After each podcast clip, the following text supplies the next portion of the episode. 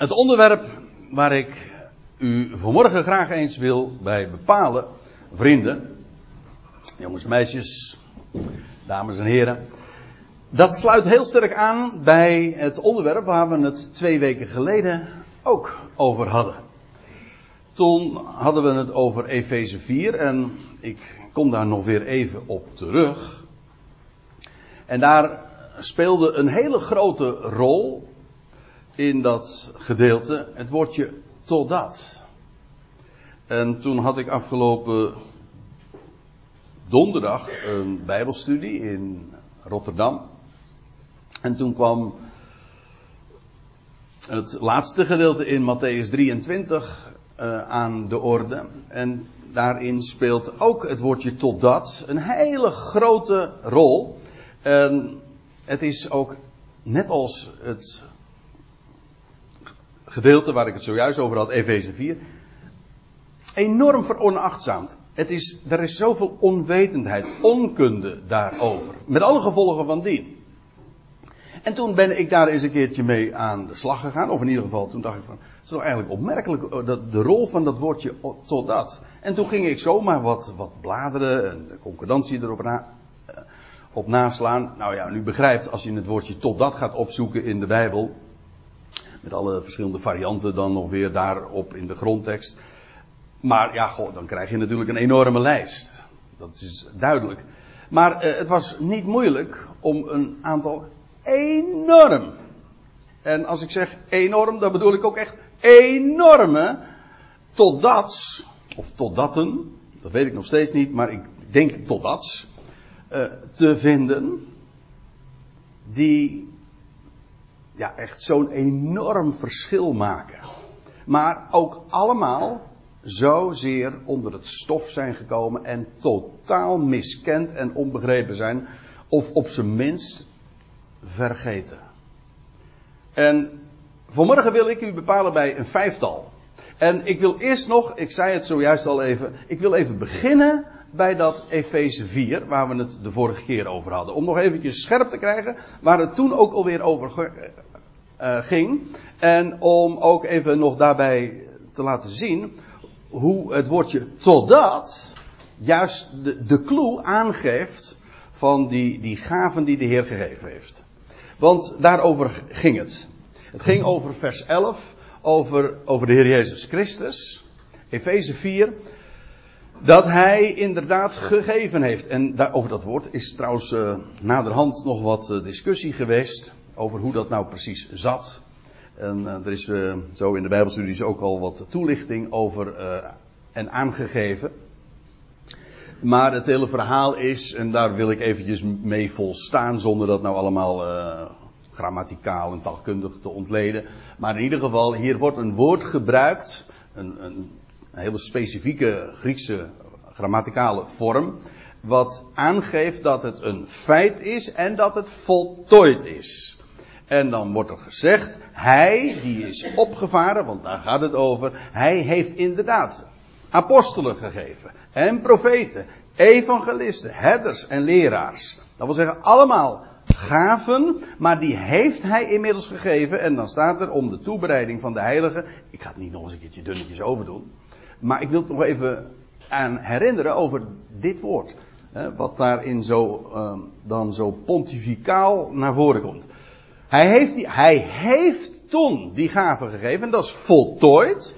En dan staat erbij met het oog waarop om de toebereiding van de heilige tot een werk van bediening, eh, tot in opbouw van het lichaam van de Christus. En dan staat er totdat.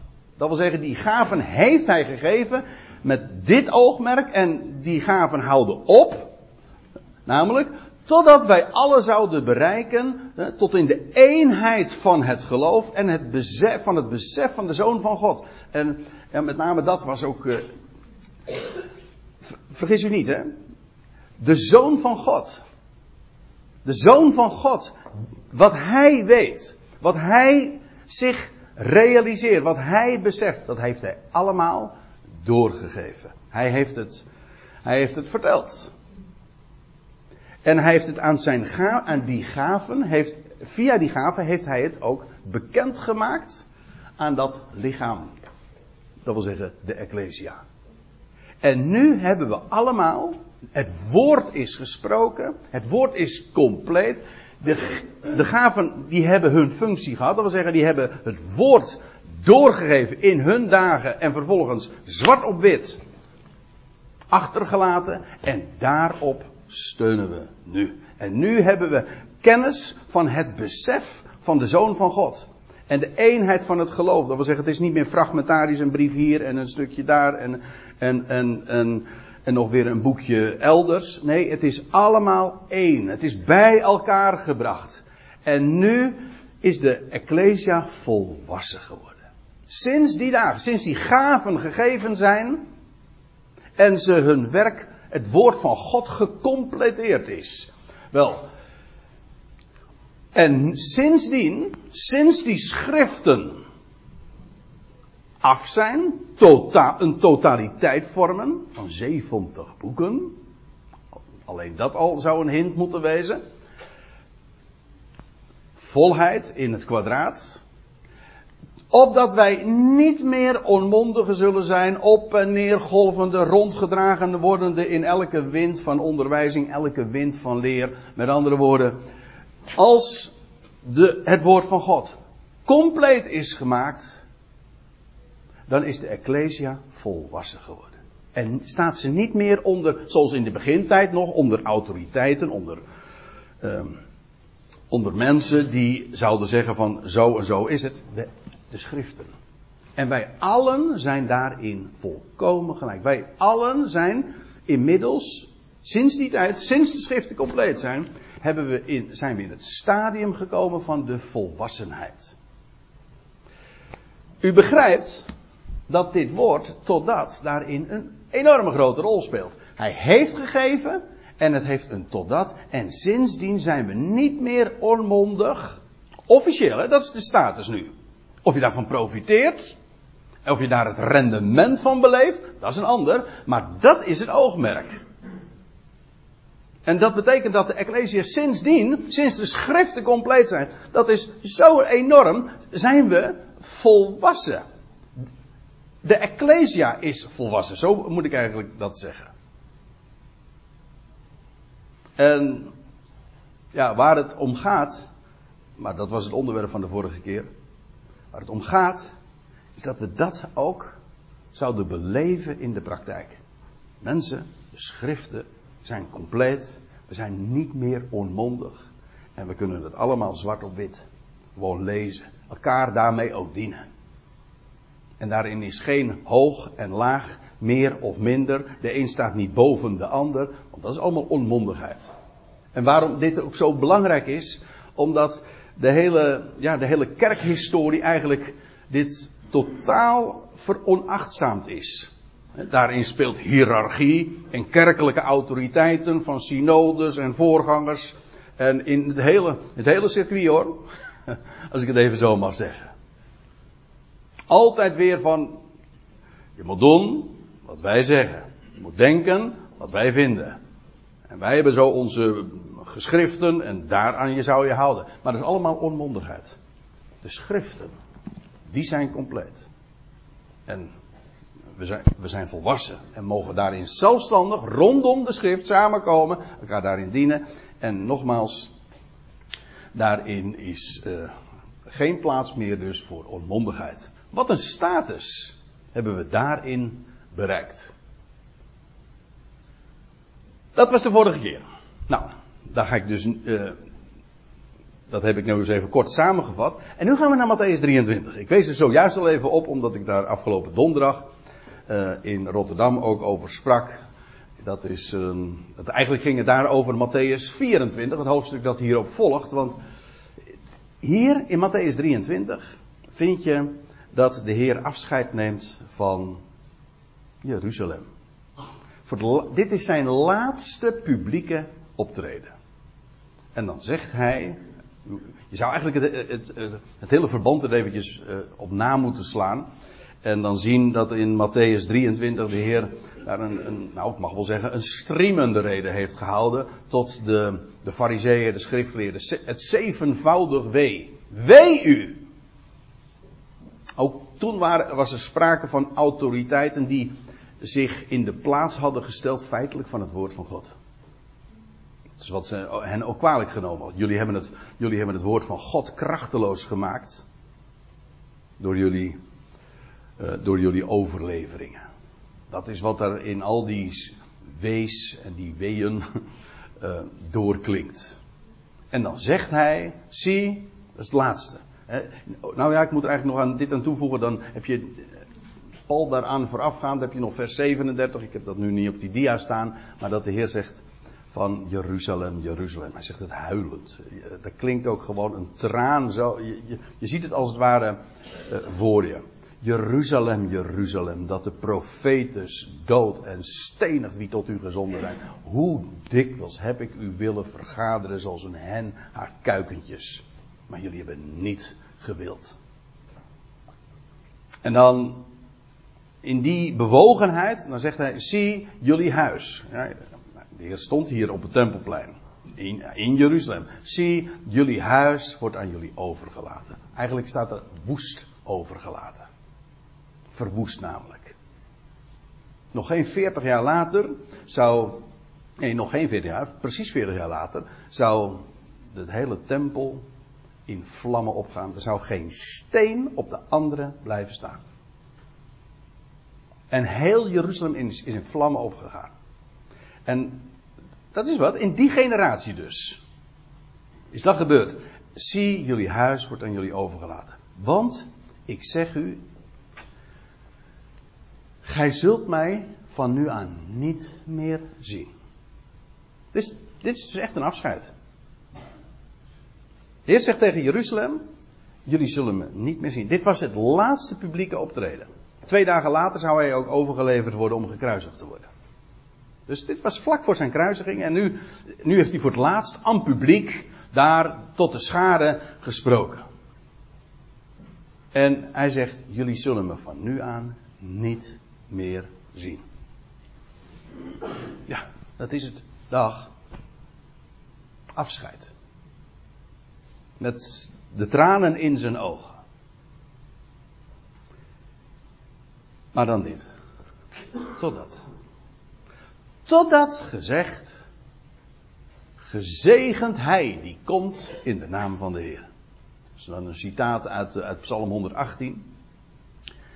Maar u ziet wel, ik heb met opzet dat woordje totdat in, in grote letters, in blokletters en en, uh, in bold uh, lettertype afgedrukt. Want daar gaat het om. Juist dat tot dat geeft een enorme wending. Dit is de situatie tot op de dag van vandaag. En ik moet er ook bij zeggen, en ik, want dit is een van die vijf vergeten totdats, waar ik het vanmorgen over heb. Waarom? Omdat ook ja, in de hele kerkhistorie en dat is al heel vroeg begonnen, had Israël totaal afgedaan. Men geloofde ook, dat was de, de vervangingstheologie, de kerk is eigenlijk het nieuwe Israël. En het volk van Israël, dat is, dat is over. Daar is geen toekomst meer voor. Want Israël heeft, uh, dat zegt men dan ook, het waren godsmoordenaars. Zo, dat was een van de titels die men ook aan dat volk gaf. Het waren de godsmoordenaars. En dat was over en uit. En al die beloften die er voor Israël waren, die zijn overgeheveld op de kerk. Dus de kerk is het nieuwe Israël. Gek genoeg hebben ze dat niet met de oordelen gedaan die aan Israël, aan het adres van Israël bestemd, want die, die waren wel voor het volk. Hm? Dus heel inconsequent natuurlijk. Sowieso. Het is, is afschuwelijk, hè? want dat betekent namelijk dat niet alleen maar de beloften van Israël worden afgepakt dat is diefstal. Maar daarmee kent men zichzelf ook nog eens een keertje een valse identiteit aan. Namelijk door, dat, door te zeggen van jullie zijn niet eens, wij zijn het.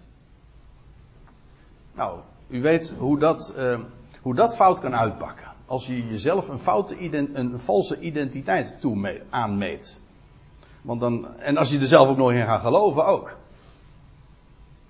En anderen wil laten geloven, dan, dan kom je in onmogelijke spagaat. Want dan, dan, dan wil je iets zijn wat je niet bent. En dan wil je iets vervullen wat je niet kan vervullen omdat het niet bij je past. Het hoort niet bij je. En God heeft dingen toegezegd aan het volk Israël. En via het volk Israël gaat de hele wereld het koninkrijk gaan beleven. Dat wil zeggen, een echt koninkrijk, een vrederijk. Via dat volk. Nee, dat zijn wij. Heeft de kerk toen gezegd. Kortom, Israël heeft men totaal vergeten. En dan dit, wat de Heer zelf zegt, hier in Matthäus 4, 23. Hij neemt afscheid. Hij zegt, jullie huis wordt aan jullie overgelaten en jullie zullen me niet meer zien. En dat inderdaad. Zie, eigenlijk zou je zelfs kunnen zeggen, zie je wel. Het, uh, de heer, Israël ziet de Heer niet, uh, ook in geestelijke zin niet. Ze zien hem niet zitten, als ik het zo mag zeggen. Die is ook wel mooi. Maar ook fysiek niet. Nee, men ziet hem niet. Ja. Maar vergeet niet dit tot dat. Hier, juist dat is zo belangrijk. Israël of Jeruzalem zal hem weer zien. Weer zien, ja. Dit was dus met recht een totdat. En daar zit inmiddels twee millennia tussen. En dat is trouwens ook tevens de begrenzing. De Bijbel spreekt erover. Over twee dagen van twee millennia, zo rekent de Heer. En, en dan, na die twee dagen, de derde dag, I'll be back. Ik kom terug. Precies op de, op de tijd dat ik dat gepland. Jullie zullen me weer zien. Dat staat hier niet wanneer. Er wordt hier gezegd eh, bij niet zozeer een, een chronologische aanduiding van wanneer het zal zijn, maar bij welke gelegenheid. Als Jeruzalem hem dan, dan ook daadwerkelijk zal, zal verwelkomen. En eindelijk zicht op hem zal hebben. En, de naam van Yahweh zullen ze aanroepen. We hebben het bij nog niet zo heel lang geleden daar ook over gehad, naar aanleiding van Zacharia 14. En dan zal hij, aan, dan zal men hem in de hoogste nood hem aanroepen en dan zal hij verschijnen en dan zullen ze zien degene die ze ooit 2000 jaar eerder doorstoken. Doorstaken. En, en het was de, en ze zullen een rouwklacht over hem aan hebben en ze zullen hem zien. Ze zullen hem echt zien. En dan komt hij tot Jeruzalem. Waarom Jeruzalem? Wel, dat is de stad van de grote koning. Daar in die stad, daar wordt de troon van David, waar zoveel beloften van God aan gekoppeld zijn. Over twee weken dan is het uh, kerst. En dan worden allemaal schriftgedeelten dan uh, gelezen. denk maar aan Jezaja 9. Zegt het goed? Ja van uh, zie een kind is ons geboren, een zoon is ons gegeven en de heerschappij rust op zijn schouder. En dat wordt dan heel dikwijls voorgelezen. Dat is vers 5. Over vers 6 hoor ik nooit wat. Dat is wonderlijk hoor. Maar weet je wat er in vers 6 staat? Groot zal de heerschappij zijn en eindeloos de vrede. Op de troon van David, doordat hij het sticht met recht en gerechtigheid. Jaweh, zie, nou, hoe staat het nou precies? Zie het woord van Jaweh, hij zal het doen. Woorden van gelijke strekking. Ik ben even kwijt hoe het precies staat, maar lees het eens na. Jezaja 9 vers 6. Dat wil zeggen, de, en weet u, de troon van David, die staat maar op één plek hoor. Dat is niet in de hemel. En dat is ook niet in Moskou of in Washington of in Brussel of in Jeruzalem. Die stad. En Jeruzalem, dat is de stad waar hij straks terug zal keren. Ze zullen hem echt zien. En wat, ja, wat er dan allemaal gaat gebeuren. Maar dat is dat geweldige totdat. We gaan naar nummer drie. En ik lees hem expres even voor uit de Statenvertaling. Jezaja 32. Dat moet u eens lezen. Dat is toch wel frappant hoor. Want over een drastische, enorm. Uh, de enorme impact die een woord kan hebben, nou daar is dit wel een, een voorbeeld van. Lees eens met me mee. Uh, even voor het goede, voor, de, voor het verband en voor de goede orde. Het gaat hier over de stad Jeruzalem, ook over de oordelen, over de gerichten die over, dat, over die stad zouden komen. En dan staat er in vers 14, want het paleis, want Jeruzalem is de stad van de koning. Het paleis zal verlaten zijn. De troon van David, die is vakant. Het gewoel van de stad zal ophouden. Ofel en, en de wachttorens. Belangrijke locaties in de stad zullen tot spelonken zijn. En dan staat erbij tot in der eeuwigheid. Staat gewoon in uw statenvertaling. Als u een statenvertaling hebt. En als u trouwens een MBG-vertaling hebt, dan staat het uh, voor altoos. Maar staat hier het Hebreeuwse woord olam. En u weet allemaal wat eeuwigheid is. Hè?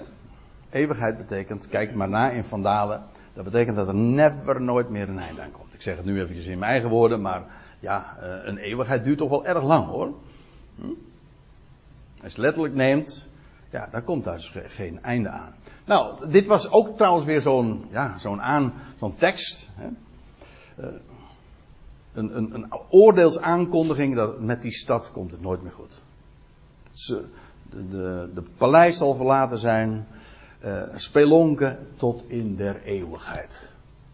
Een vreugde voor de woudezelen en een weide van de kudde. Dat wil zeggen, alleen het gedierte dat, dat vindt daar nog zijn vermaak. Dit, zijn, dit is ook historisch, zo is het ook uh, in tijden geweest. Maar nou let nu op. Totdat over ons, Jeruzalem, meer specifiek of meer algemeen, Israël, het volk van, van Israël, totdat over ons uitgegoten worden de geest uit de hoge. En dan zal de woestijn tot een vruchtbaar veld worden. En het vruchtbare veld zal voor een, zal voor een woud geacht worden. Nou ja, en het, het gaat nog verder hoor. Je zou door moeten lezen. Maar het gaat me natuurlijk weer even om dat. Totdat. Realiseert u zich hoe, uh, hoe dit eigenlijk, Engelsen zeggen, mind-blowing is. Die eeuwigheid heeft hem tot dat. U zegt, maar dan is het geen eeuwigheid. Dat klopt. Dat is het ook niet. Het woord wat hier gebezigd wordt in het Hebreeuws, dat is olam. En in het Grieks is dat aion. En ik weet het, het is ook, dat is, ja, nou ik zeg vergeten. In dit geval is het, uh, zie ik daar meer nog, uh, het is maar geen misverstand. Het is. Sorry voor de grote woorden die ik daarvoor bezig, maar ik kan niet anders zien. Dit is gewoon werk van de tegenstander om de belofte van God te ontkrachten. Door van, een, door van Olam, of Aion, een eeuwigheid te maken, maak je het perspectief dat de geschrift schildert hopeloos. Als dit inderdaad eeuwigheid is, ja, dan komt, het, dan komt het nooit meer goed dus. Nou, laat ik u dit vertellen. En als, want het kan best zijn dat u zegt uh, Hebreeuws, Grieks. Ik ben al lang blij dat ik een beetje Nederlands goed uh, verstaanbaar kan spreken. Dus uh, ga daar niet over beginnen. Oké, dan zou, houd het simpel. Het woord eeuwigheid, als je dat in de, in de Bijbel tegenkomt, in uw vertalingen, MBG of de Statenvertaling, kras door. Het is gewoon eeuw of tijdperk of eon, net hoe je het wil invullen. Maar eeuwigheid heeft een totdat. Als je dat begrijpt, en als je dat meeneemt over wat deze tekst betreft, nou, dan ben ik erg blij. Dit is zo enorm fundamenteel. Hoe vaak komt u dat woord eeuwigheid niet tegen? En altijd denkt men hè, bij een, een straf, een oordeel, een gericht in der eeuwigheid. Ja, daar komt nooit meer God natuurlijk. En zelfs als je dus de, de vertalingen raadpleegt, gewoon de gangbare vertalingen, loop je daar al op stuk. En dit zou je aan het, aan denken moeten zetten van, hé hey, maar wacht even, dit kan toch niet? Een eeuwigheid met een totdat? Ja, dat is nu juist het punt. Dat is dat vergeten totdat. Men kent, men weet niet dat een eeuwigheid een totdat heeft en dus geen eeuwigheid is. Dat is de volgende stap. Maar dit is gewoon een essentie. Dit is zo belangrijk. Er, inderdaad, zo is het gegaan met Jeruzalem. Zo is het gegaan met Israël. In feite, we hadden het eigenlijk zojuist er al over in verband met Matthäus 23. Natuurlijk, dat is de ellende over die stad en over dat land. Dat is al inmiddels al lang, uh, van lange duur. Maar het heeft een totdat. En dan staat erbij, en totdat over ons uitgegoten worden de geest uit de hoge. Dat wil zeggen, het wordt Pinksteren voor Israël. Het wordt echt, om zo te zeggen, Pinksteren voor Israël. De geest zal uitgestort worden op die stad en op die natie. En dan zal de, de woestijn tot een vruchtbaar veld worden. Nou ja, en, en de steppen zal bloeien. En hoe staat dat? Met name Jezaja is zo enorm uitbundig in het bezingen van die situatie. Dat gaat, dat gaat gebeuren. Weet u waarom? Omdat een eeuwigheid, tussen aanhalingstekens, een totdat heeft. En dat betekent ook, en dat is de clue feitelijk ook van het evangelie. Ook dat is een zwaar woord, maar ik eh, aarzel zelfs niet om dat te zeggen.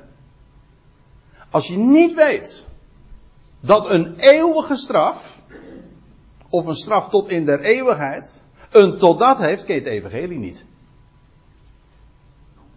Het evangelie is juist, evangelie, een blijde tijding, omdat ook al, richt God, ook al oefende hij oordelen uit, het heeft altijd een totdat, het heeft ook een doel. Daarom is het een blijde tijding. En sterker nog, omdat God het, dit op het oog heeft, richt hij ook. Het, het wordt gericht. Wij denken, als je, kijk, als je denkt in de termen van een eindeloze eeuwigheid, dan is het, is het meteen verdoemenis. Dat, dat is namelijk een, een, een oordeel en het komt nooit meer goed. U weet het, hè? Zo werd het altijd verteld. Eeuwig wel, eeuwig wee. Eeuwig wee. Dat, zo zeggen ze dat in Katwijk dan. Eeuwig wee. Ik woon al een jaar of wat in Katwijk, dus ik, inmiddels ken ik het een beetje, denk ik ook zo zeggen. En zo, inderdaad, eeuwig wee, ja. En dat komt nooit meer goed. Dat was eigenlijk ook de, de koorboodschap eh, op, op de kansel. Toch van, ja, eeuwig wel, eeuwig wee. En waar, waar sta je? Want als jij je ogen sluit, het is eeuwig wee, dan komt het nooit, nooit meer goed. Tot in der eeuwigheid. Ja, totdat je gaat ontdekken. Wacht even, we zijn gewoon, ja, nu zeg ik het wat frivol, bij de neus genomen met dat hele woord eeuwigheid. Dat is helemaal geen eeuwigheid. Kom, het, het is Olam, het is een wereldtijdperk. Dat kan lang duren, dat is waar. Maar het heeft een totdat. Daar gaat het maar om. God maakt alle dingen goed. En juist, en juist om alle dingen goed te maken, moet hij soms harde maatregelen nemen. En richt hij ook. Maar richten betekent recht zetten. En ook terecht brengen. Dat is altijd en in essentie positief. Ziet u hoe, je, hoe dat woordje totdat, het hele woord eeuwigheid. Dat is dynamiet. Dit woord is dynamiet onder dat woord. En dat zet het in een totaal ander perspectief.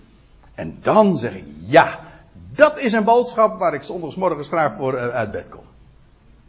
Hm? Ja, ik noem het nou zo, maar ik bedoel, dit is echt een goed bericht. Mensen, we kunnen dit tegen elk mens zeggen. God houdt van zijn wereld.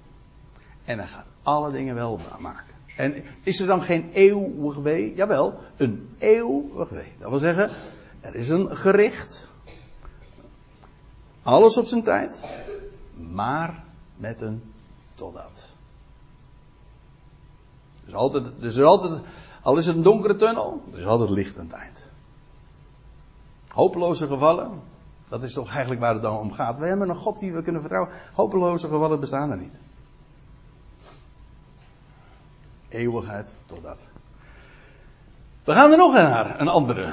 Naar een ander totdat. Dat is 1 Korinthe 15. Nou, die doet daar niet van onder. En eigenlijk de laatste drie totdats, dat wil zeggen van het voorgaande gedeelte Jezaja 32, nu 1 Korinthe 15, straks ga ik nog naar een andere passage. En die drie liggen allemaal een beetje in elkaars verlengde, of zo u wilt, die lopen parallel aan elkaar. Die hebben allemaal te maken met, ja, met in feite de essentie, de, de, de kern van de blijde tijding. Namelijk, en die worden, dat wordt aangegeven in dat woordje totdat. Nou, ik lees eventjes voor. 1 Korinthe 15. Daar wordt het even heel erg scherp, maar ook heel duidelijk neergezet. Er is dat vers 22. Ja, dat is zo helder als glas. Hè? Evenals in Adam allen sterven. Dat is een gegeven. We zijn allemaal Adamieten, we zijn allemaal mensen. Adam betekent eigenlijk gewoon van origine ook mens. Nou, we zijn allemaal in Adam, we zijn mensen. En in Adam sterven allen. Het zijn allen stervende. Een gegeven. Ik bedoel, elk mens weet het. Dit is niet een speciale bijbelse waarheid. Het is gewoon algemeen. Elk mens is een sterveling. In Adam, evenals in Adam alle sterven. Dat woordje evenals is de inleiding tot een vergelijking. Hè? Nou, nou, dus zoals in Adam alle sterven, en nou komt het. Kijk, dit is, dit is niet mooi. Het is ook maar de helft van de waarheid. Zoals in Adam allen sterven, zo zullen ook in Christus, die in dit, in dit Bijbelgedeelte trouwens de laatste Adam genoemd wordt, zo zullen ook in Christus allen levend gemaakt worden. Aha. Er is dus leven voor alle mensen, voor allen weggelegd. En in wie is dat verankerd? Zoals het sterven verankerd ligt in Adam, zo is dat leven maken verankerd in Christus. En, maar in beide gevallen is het alle mensen. Dat is nogal simpel bij het woordje allen, dat betekent gewoon iedereen.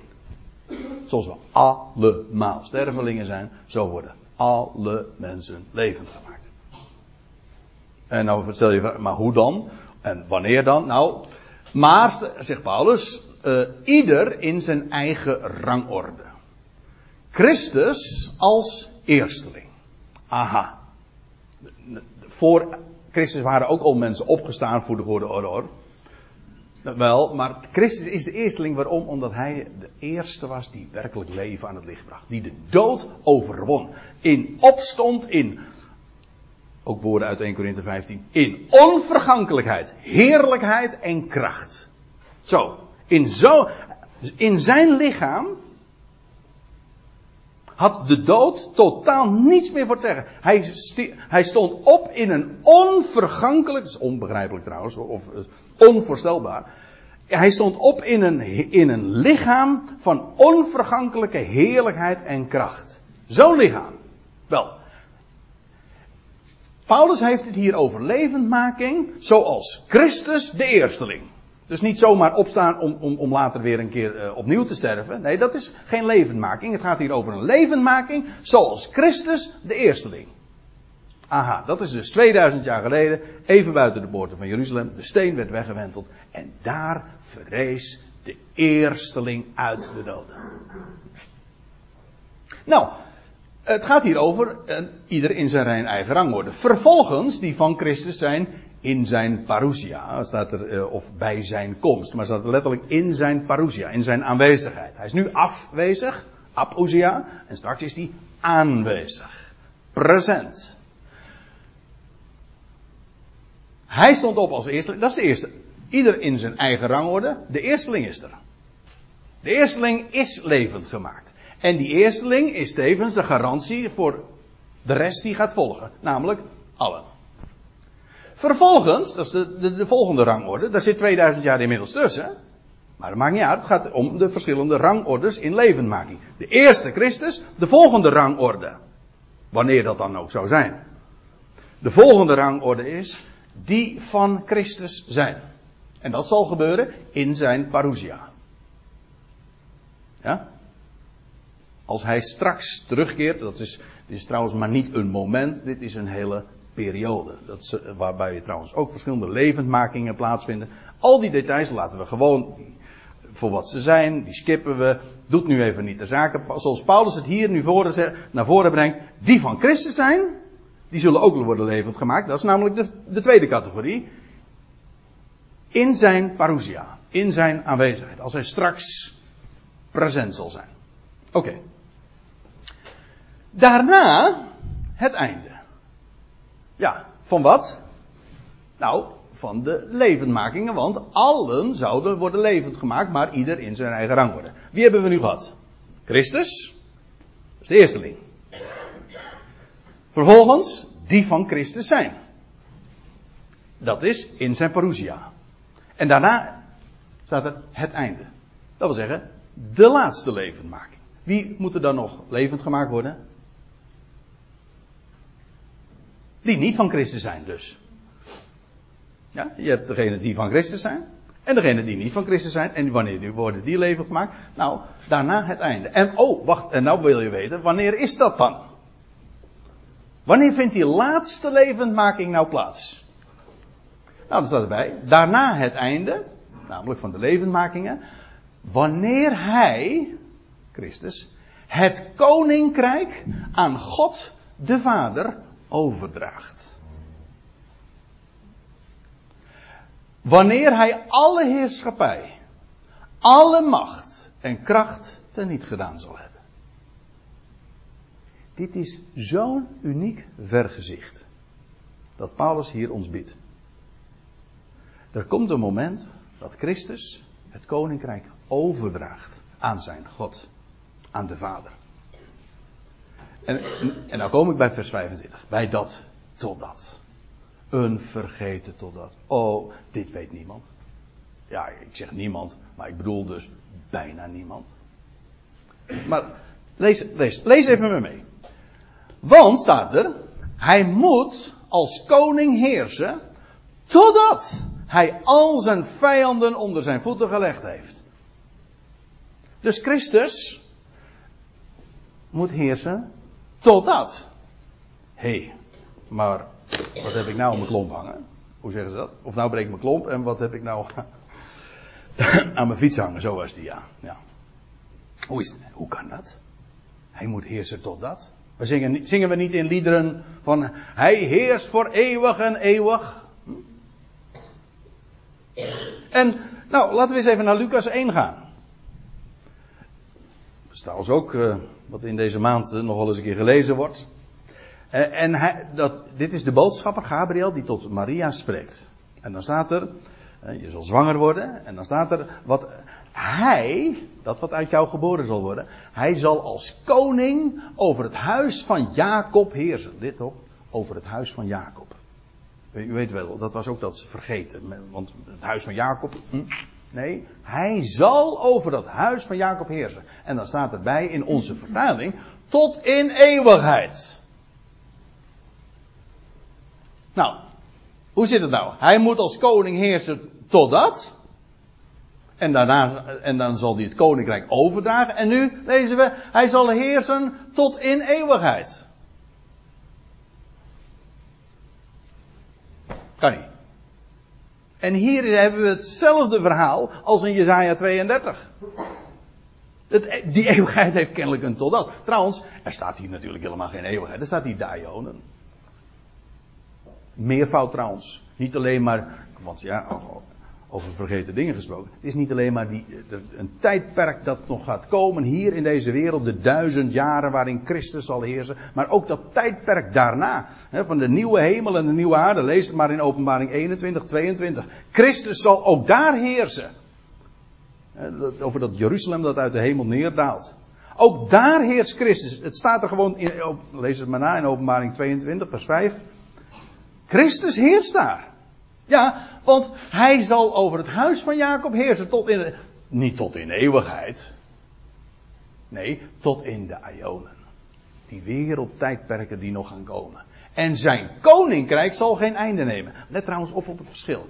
Hij zal heersen tot in de Ionen. Er staat niet tot in eeuwigheid, maar tot in de Ionen. En zijn koninkrijk zal geen einde nemen. Nee, maar lees wat lazen we nou ook alweer?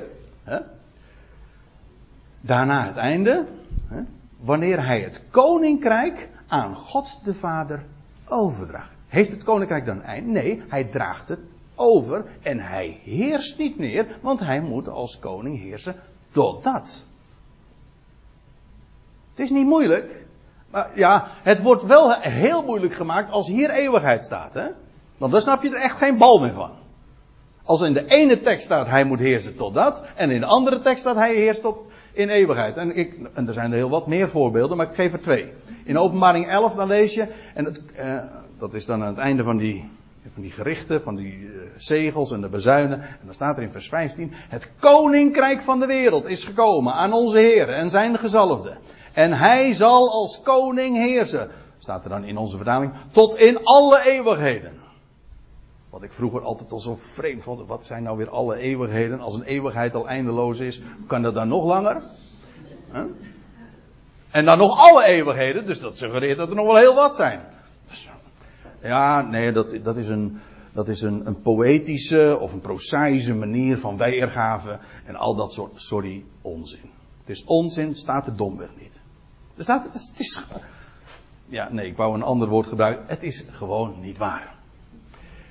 Hij zal als koning heersen, niet tot in alle eeuwigheden. Er staat tot in de ionen van de ionen. Want u moet zich realiseren, er zijn een hele, God heeft een plan van ionen, van wereldtijdperken. En die ionen die gaan komen, dat zijn de ionen der ionen. Dat zijn die overtreffende ionen. En in die ionen, in die wereldtijdperken die nog gaan komen, van de duizend jaren en dat wat daarna komt.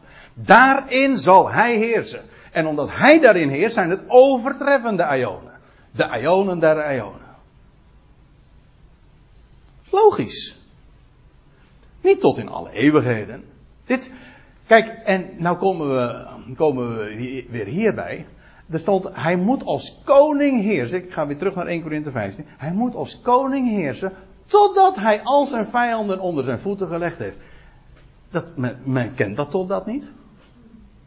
Logisch dat men het niet kent, omdat men het hele idee van een eindeloze eeuwigheid heeft. En, ja, dan, en dan is het, Christus heerst tot in eeuwigheid, of tot in alle eeuwigheden, maar er komt er in ieder geval nooit een einde aan. En dus, dat tot dat van 1 Korinthe 15 is, wordt weggemoffeld, het is vergeten, het speelt geen rol, men kan er niet mee uit de voeten. Maar weet u wat het, waarom dat zo fataal is? Eigenlijk om precies dezelfde reden waar we het zo over waarover we het zojuist ook hadden in Jezaja 32. De dood wordt dan nooit teniet gedaan. Dat is het punt. Laat, want ik lees nu even met u verder. Want Paulus in 1 Corinthië 5, hij moet als koning heersen totdat hij al zijn vijanden onder zijn voeten gelegd heeft. En dan staat er, de laatste vijand die er niet gedaan wordt, is de dood. Aha. Maar als hij heerst tot in alle eeuwigheid en er komt nooit meer een eind aan, wordt aan die dood dus nooit een einde gemaakt. En dat is precies wat men leert. Want men zegt van ja, als je niet gelooft, als je niet van Christus bent, ja, dan komt het nooit meer goed. En dan, dan eindig je, dat is ook zo'n standaardterm, in de eeuwige dood. En dan viert men weliswaar Pasen. De dood is overwonnen, maar de dood is helemaal niet overwonnen. Want de dood blijft altijd bestaan. De eeuwige dood. In de zin van eindeloze dood. Ziet u hoe een. Ja, ik. Ook, ook hier aarzel ik niet. Dit is vergif. Dit doet namelijk het evangelie teniet. Hij heeft de dood overwonnen. Hij is de eersteling. En dat is de garantie dat de dood teniet gedaan zal worden.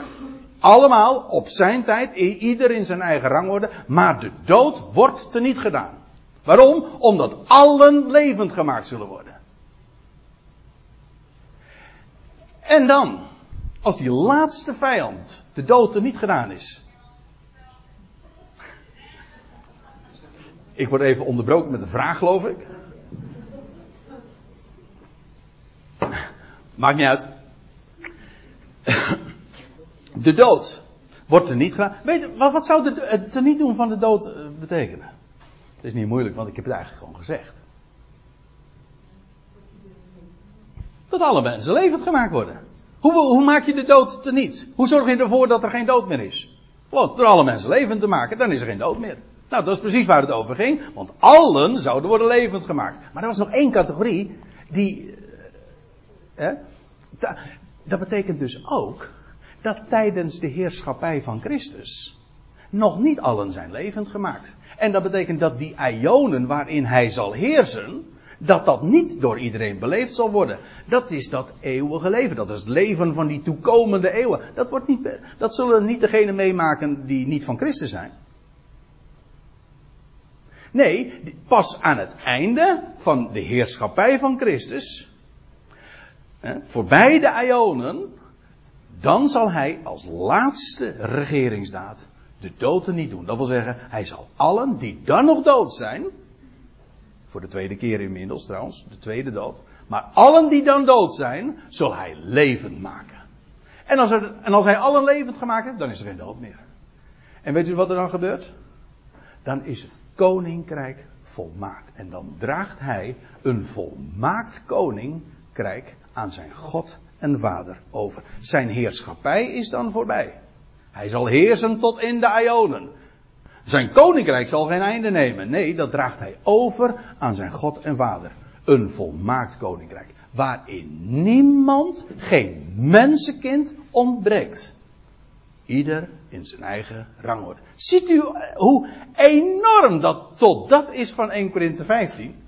En wanneer alles hem dan onderworpen is, zo staat er in onze vertaling, niet helemaal goed, maar goed, eh, laten we, dat laten we even voor wat het is. Wanneer alles hem ondergeschikt is, dan zal ook de zoon zelf aan hem worden ondergeschikt. Zo staat het dan eigenlijk. Die hem alles ondergeschikt heeft. En dan staat erbij, opdat God zij alles. In allen. Allen in Adam sterven. Allen in Christus levend gemaakt. Ieder in zijn eigen rangorde. Dat kan alleen als Christus heerst tot dat.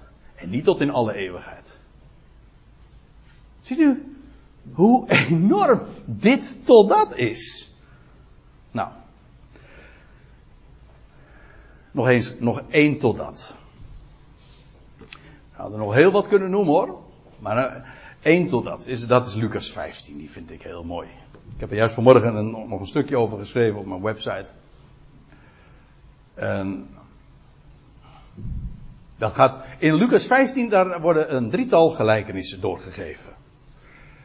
Van de verloren schaap, van het verloren schaap, van de verloren penning en de verloren zoon.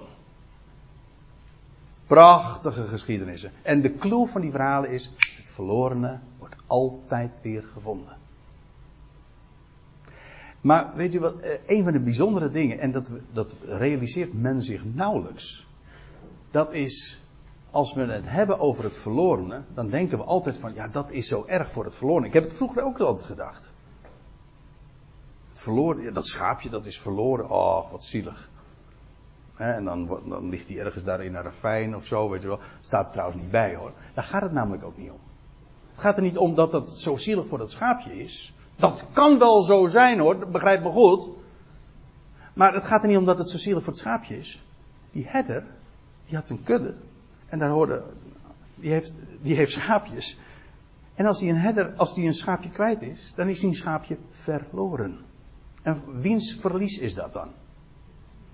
Nou, van de herder natuurlijk. Die is een schaapje kwijt. Zo denkt men niet. Men, men, denkt bij verloren altijd van het is zo erg voor het verlorene. Maar we stellen ons niet de vraag wie heeft iets verloren? Nou, dat is die herder. Die vrouw, dat is die volgende gelijkenis, die was een penning kwijt. Die hele huis keert ze dan om. U weet hoe dat dan gaat, hè? En wordt het hele huis omgekeerd. En, maar ze, en dan maakt ze, ze heeft hem dan weer gevonden. En, en voor wie was nou dat nou een vreugde? Voor die penning? Nee, natuurlijk, daar gaat het ook helemaal niet om. Voor die vrouw natuurlijk. Ja, voor die mannen ook natuurlijk, want die, die vrouwen zijn al zo duur, hè?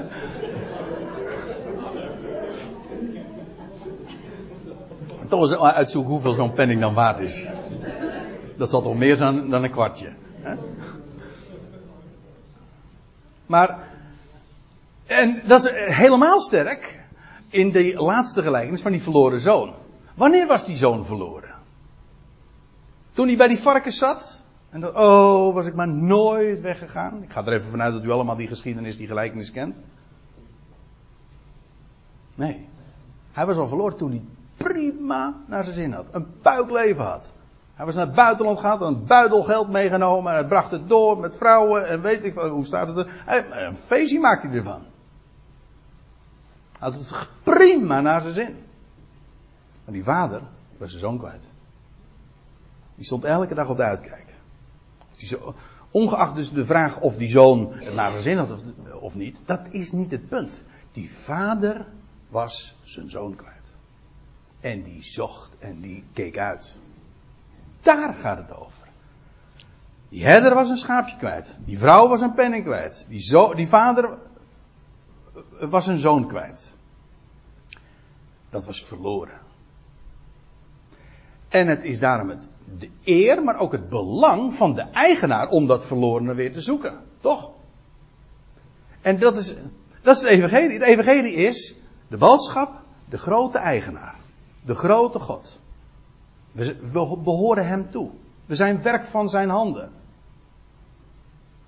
En waarvan dan ook gezegd wordt, en het klinkt wel hoor, men weet het aan de ene kant wel, maar het wordt vergeten en het wordt vervolgens weer gemixt met andere dingen, zodat men er geen kant mee uit kan. Men, men, men roept dat wel van, hij laat nooit varen de werken van zijn handen. Dat betekent, die eigenaar, als die iets verloren is, dan zoekt hij. En meestal zet men daar een punt. We hebben een God die zoekt. Dat is het evangelie. We hebben een God die zoekt. Dat is geweldig. Dat is niet de evangelie. Wat heb ik aan een, aan, een, een God die zoekt? Alleen maar zoekt.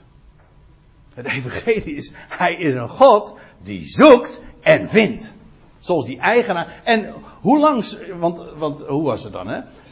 Dan gaat hij het verloren zoeken. Totdat hij het, totdat hij het vindt. En dan is het het feestje ook van die, van die herder natuurlijk natuurlijk voor dat schaapje ook, die, is, die komt dan weer tot zijn bestemming. Dat is helemaal waar. Daar gaat het, ik probeer dat helemaal niet te ontkennen, maar het accent ligt op het feit dat die eigenaar iets kwijt is, iets verloren is. En hij zoekt het en hij vindt het en dan is het verloren weer terug. En altijd maar gedacht, hè, zo wordt het ook verteld, ja, verloren, verloren. God zoekt.